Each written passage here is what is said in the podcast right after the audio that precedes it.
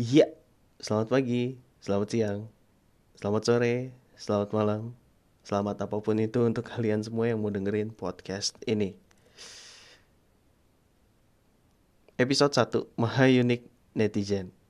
Nah, seperti yang udah gue bahas di opener, jadi setiap episodenya kita akan membahas uh, salah satu berita yang lagi viral, salah satu berita yang ada di sosial media kita, terus kita lihat komentar-komentarnya kadang-kadang ada yang lucu. Nih, episode 1 lumayan lucu tapi juga ada ada dagingnya kayaknya yang bisa kita ambil. Episode 1 Maha Unik uh, netizen dengan uh, tema kritik. Jadi pada episode perdana ini, gue akan membacakan salah satu berita di detik.com uh, hari ini, tanggal uh, 2 Juli 2021 jadi beritanya tentang uh, BEM Unsri, ungkit ironi boleh kritik Jokowi tapi harus siap hadapi buzzer. BEM Universitas, uh, BEM Universitas Sriwijaya menyoroti tanggapan Presiden Joko Widodo soal kritik dari BEM UI. BEM Unsri mengungkit ironi pengkritik Jokowi harus siap menghadapi buzzer di media sosial. Presiden BEM Keluarga Mahasiswa atau KM Unsri, Dwi Kisandi mengatakan uh, Jokowi memang membebaskan siapa pun untuk menyampaikan kritik. Namun uh, katanya ada buzzer juga yang bakal menyerang uh, para pengkritik Jokowi. Dia mengatakan BEM Unsri bakal mendukung pihak yang memperjuangkan kepentingan masyarakat dan kebebasan berpendapat. Dia mengingatkan agar buzzer ditertibkan demi membuat demokrasi yang lebih baik ini beritanya. Ada hashtag uh, detikcom sebagai yang uh, memiliki berita, lalu ada hashtag Jokowi, ada hashtag BEM ada hashtag buzzer, ada hashtag suara mahasiswa. Nah, ini serunya kita bacain komen-komennya. Ada beberapa komen yang udah gue pilih, ada top 5 komen. Ini yang pertama adalah dari Ed Danet J. Dia bilang, nih bocah baru disonat ini kayaknya out of context tapi lucu aja gitu kan. Ketika dia menyuarakan pendapatnya sebagai seorang mahasiswa again mahasiswa. Jadi dia adalah siswa yang dimahakan karena ia sebagai mahasiswa memang menyampaikan kritik uh, yang konstruktif tentunya. Itu penting untuk kemajuan demokrasi di suatu negara uh, berkembang seperti kita Indonesia. Jadi itu komen nomor satu, uh, nih bocah belum disunat dari Danet J. Kita lanjut ke uh, komen uh, top 5 pilihan gue di uh, episode pertama ini adalah dari Ed Brisno S. Uh, makanya jangan nyerang kalau nggak mau diserang. Jadi dia bilang gitu guys.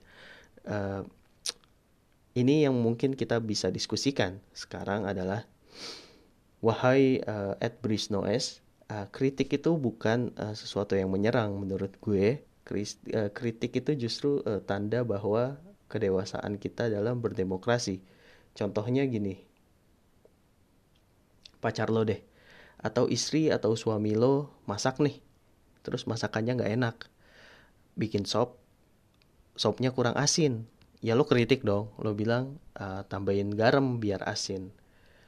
Uh, kan kayak gitu kritik itu bukan sesuatu hal untuk menyerang tapi kritik mungkin adalah bagian dari rasa kita menyampaikan suatu perbaikan kepada orang yang kita sayang.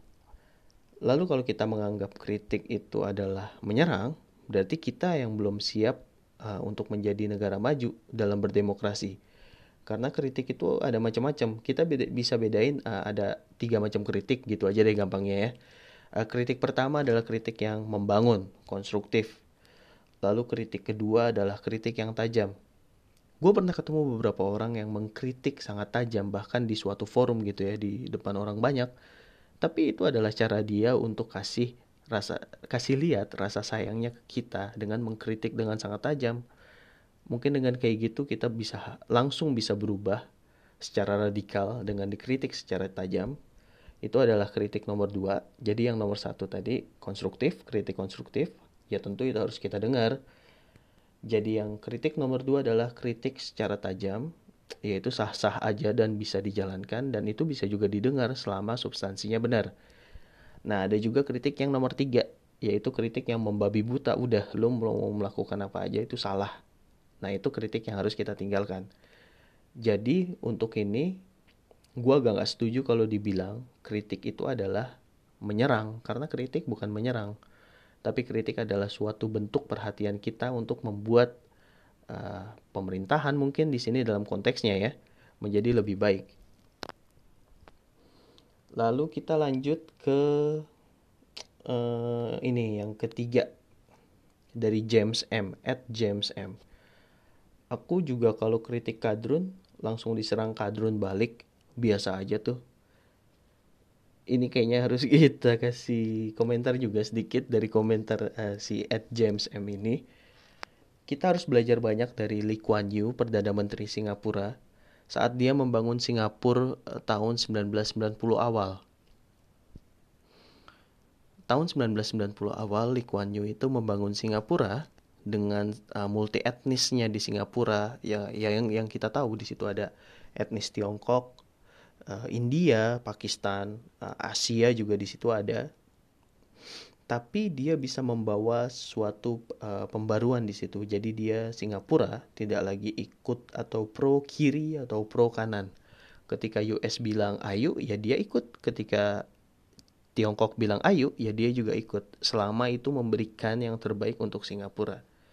Jadi kita, kalau kita ngomongin Singapura itu kayaknya dia sudah hybrid nggak lagi dibilang kiri, nggak lagi dibilang kanan. Poin gue adalah Singapura 1990 udah lagi nggak melakukan polarisasi itu. Apakah lo kiri apa lo kanan? Bahkan ideologinya gitu ya lebih lebih tajam lagi untuk kita pisahkan, untuk kita polarisasi antara komunisme dan juga uh, kapitalisme. Tapi kan ini enggak di Indonesia tahun 2021 masih aja nih ada yang polarisasi mana kadrun mana cebong Padahal udah nggak ada lagi tuh parpol uh, capres 1 dan capres 2 semua udah jadi satu sekarang. Jadi ya itu mungkin yang bisa kita komentarin untuk yang nomor tiga ini. Aku juga kalau kritik kadrun langsung diserang kadrun.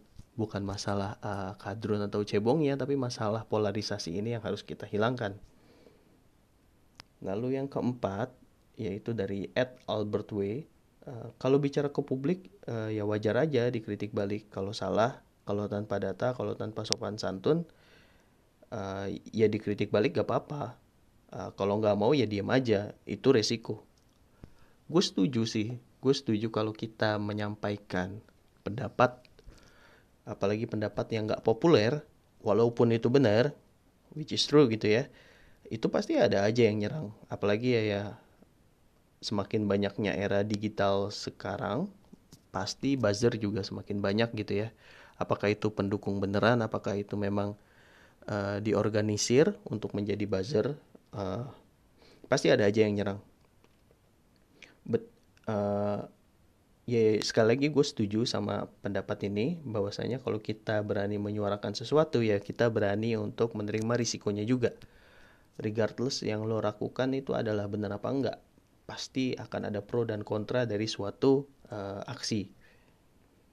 Yang kelima uh, dari Arif F, uh, dia bilang gini, uh, udah fokus aja at Arif F dia bilang, udah fokus aja dulu ke kuliah sampai selesai, kasihan ortu kamu keluar biaya banyak. Nah mungkin uh, komentar kelima ini akan menjadi komentar penutup kita juga dalam episode pertama ini uh, maha unik netizen atas segala kritiknya di di kanal uh, Detikcom. Jadi dia bilang uh, fokus aja ke kuliah karena nanti kasihan ortu kamu udah keluar biaya banyak. Gue mendukung apa yang disampaikan oleh uh, Presiden BEM Unsri ini Dwiki Sandi. Hmm jadi silahkan aja untuk uh, berkritik secara konstruktif, secara baik kepada pemerintah. Uh, kita bisa diskusi banyak di sini. Kalau gue uh, jujur nggak setuju dengan pendapat nomor 5 ini. Kalau fokus aja dalam uh, penyelesaian studinya. Si Presiden BEM Unsri ini menurut gue udah benar. Karena nanti pun uh, para adik-adik mahasiswa ketahuilah berorganisasi kemahasiswaan itu penting apa pun itu ya apa itu himpunan apa BEM apa Presma kek atau unit kegiatan mahasiswa lainnya futsal panjat gunung panjat tebing panjat cinta iya panjat cinta. Untuk para tuna asmara atau AKA jomblo mungkin punya komunitas sendiri terserah. Yang penting lo bergaul yang penting lo berorganisasi. Lo tahu cara kerjanya sama orang seperti apa. Intinya kita harus berorganisasi untuk apa? Untuk kita paham paham apa paham kerja sama orang karena nanti pun di dunia kerja lo nggak akan kerja terus sama yang namanya laptop atau uh, benda mati tapi lo pasti kerja sama orang dan ketika kita ngomong kita kerja sama orang karakteristik kita kerja sama orang itu beda-beda. Di dunia kerja, uh, sepintar apa pun lo, tapi kalau lo nggak bisa berkolaborasi, kalau lo nggak bisa berkoordinasi, ya lo nggak akan menghasilkan apa-apa. Karena pasti harus ada kerjasamanya, teamwork. Dan organisasi mahasiswa mengajarkan kita ketemu orang dengan perspektif yang bermacam-macam. Ada orang Jawa, ada orang Batak, ada orang Makassar, ada mereka yang dari kita ngomongin misalkan uh, BEM universitas atau kepresidenan mahasiswa universitas itu kan mereka pasti membawa membawa apa ya namanya membawa semangat oke okay, membawa agenda-agenda dari masing-masing fakultas untuk disampaikan di uh, kepresmaan atau disampaikan di BEM gitu ya. Jadi kita tahu how to deal with it. Jadi kita tahu uh, gimana kita bisa bekerja sama dengan eh, dengan mereka. Dan juga kita tahu bagaimana kita bisa harus uh, menyeimbangkan apa mau kita tapi kita juga menangkap apa aspirasi dari mereka. Jadi menurut gue sangat penting dalam berorganisasi karena nanti dalam uh, lo bekerja di dunia kerja ataupun lo berusaha di dunia wirausaha entrepreneur lo akan ketemu orang yang lebih unik-unik daripada lo di kampus jadi kalau lo mainnya kurang jauh, nanti yang ada lo cuman bisa baper doang. Karena di dunia kerja, uh, perusahaan serius, perusahaan nggak butuh lo yang IPK-nya 4. Perusahaan nggak butuh lo yang IQ-nya 200. Einstein kali ah. Jadi mereka tuh cari orang yang benar-benar punya guts. Punya guts tuh apa ya? Punya keberanian, punya punya encourage untuk belajar hal-hal baru dengan karakteristik yang bagus. Makanya pendidikan karakter untuk kita di usia muda itu penting. Karena karakter itu mengajarkan kita untuk tetap rendah hati. Karakter itu mengajarkan kita untuk kita nggak sombong dan nggak baper. Kadang sebagian kita, kadang nih sebagian dari kita nih baper. Kalau baru masuk kerja terus kita disuruh fotokopi gitu.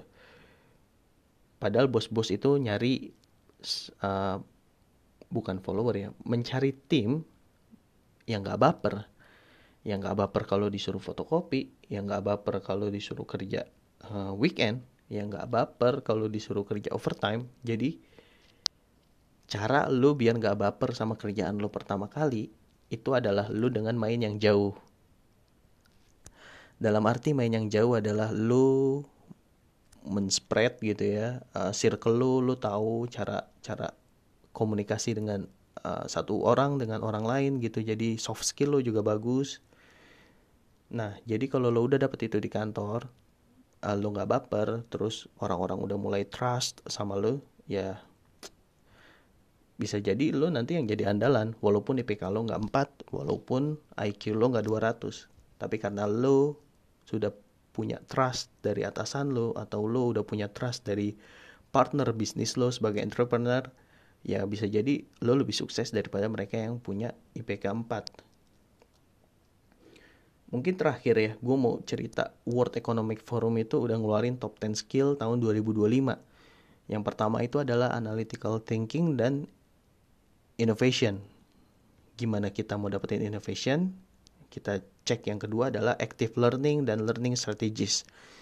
Jadi mereka yang senang banget belajar, uh, mereka yang punya strategi untuk belajar untuk melakukan hal-hal baru, itu ada top 10 itu adalah skill nomor dua yang dibutuhkan pada tahun 2025. Yang ketiga adalah kompleks uh, problem solving, yang keempat critical thinking, dan yang kelima adalah creativity, originality, dan initiative. Keenam leadership dan social influence. Again, dari uh, top 10 skill tahun 2025 yang kita lihat yang gue bacain dari tadi yang gue ceritain ke lo dari 6 skill yang paling atas semuanya adalah soft skill gue ulang dari top 10 skill yang dibutuhkan tahun 2025 dari 6 yang gue bacain di atas ke 6 enamnya adalah soft skill. Jadi bukan lagi hard skill. Kalau hard skill ya kita udah bisa dibantu sama komputer sekarang. Jadi again untuk kita um, berdiskusi soal komentar netizen maha unik di yang nomor 5 yang terakhir Ed Arif F dia bilang udah fokus aja ke kuliah lu sampai selesai. Kasihan ortu kamu udah keluar duit banyak. Gua sekali lagi nggak setuju. Gua rasa silahkan aja adik-adik mahasiswa berorganisasi karena dengan berorganisasi dengan belajar politik di kampus dia juga udah tahu caranya atau bagaimana menghadapi dunia luar dengan lebih baik lagi. Oke, untuk episode kali ini mungkin itu yang lagi rame nih dan komennya juga hampir ribuan yaitu tentang kritik dari BEM Unsri mengungkit ironi bahwa mengkritik pemerintahan sekarang harus hadapi uh, buzzer. Sekali lagi gue nggak mengambil posisi pro atau kontra, gue hanya membagi sharing uh, sharing apa yang gue tahu, apa yang gue baca dari apa yang udah disampaikan oleh netizen Mahayunik di uh, di feed uh, detikcom ini. Itu dulu untuk episode pertama. Hope you guys enjoy it. Uh, terima kasih banyak.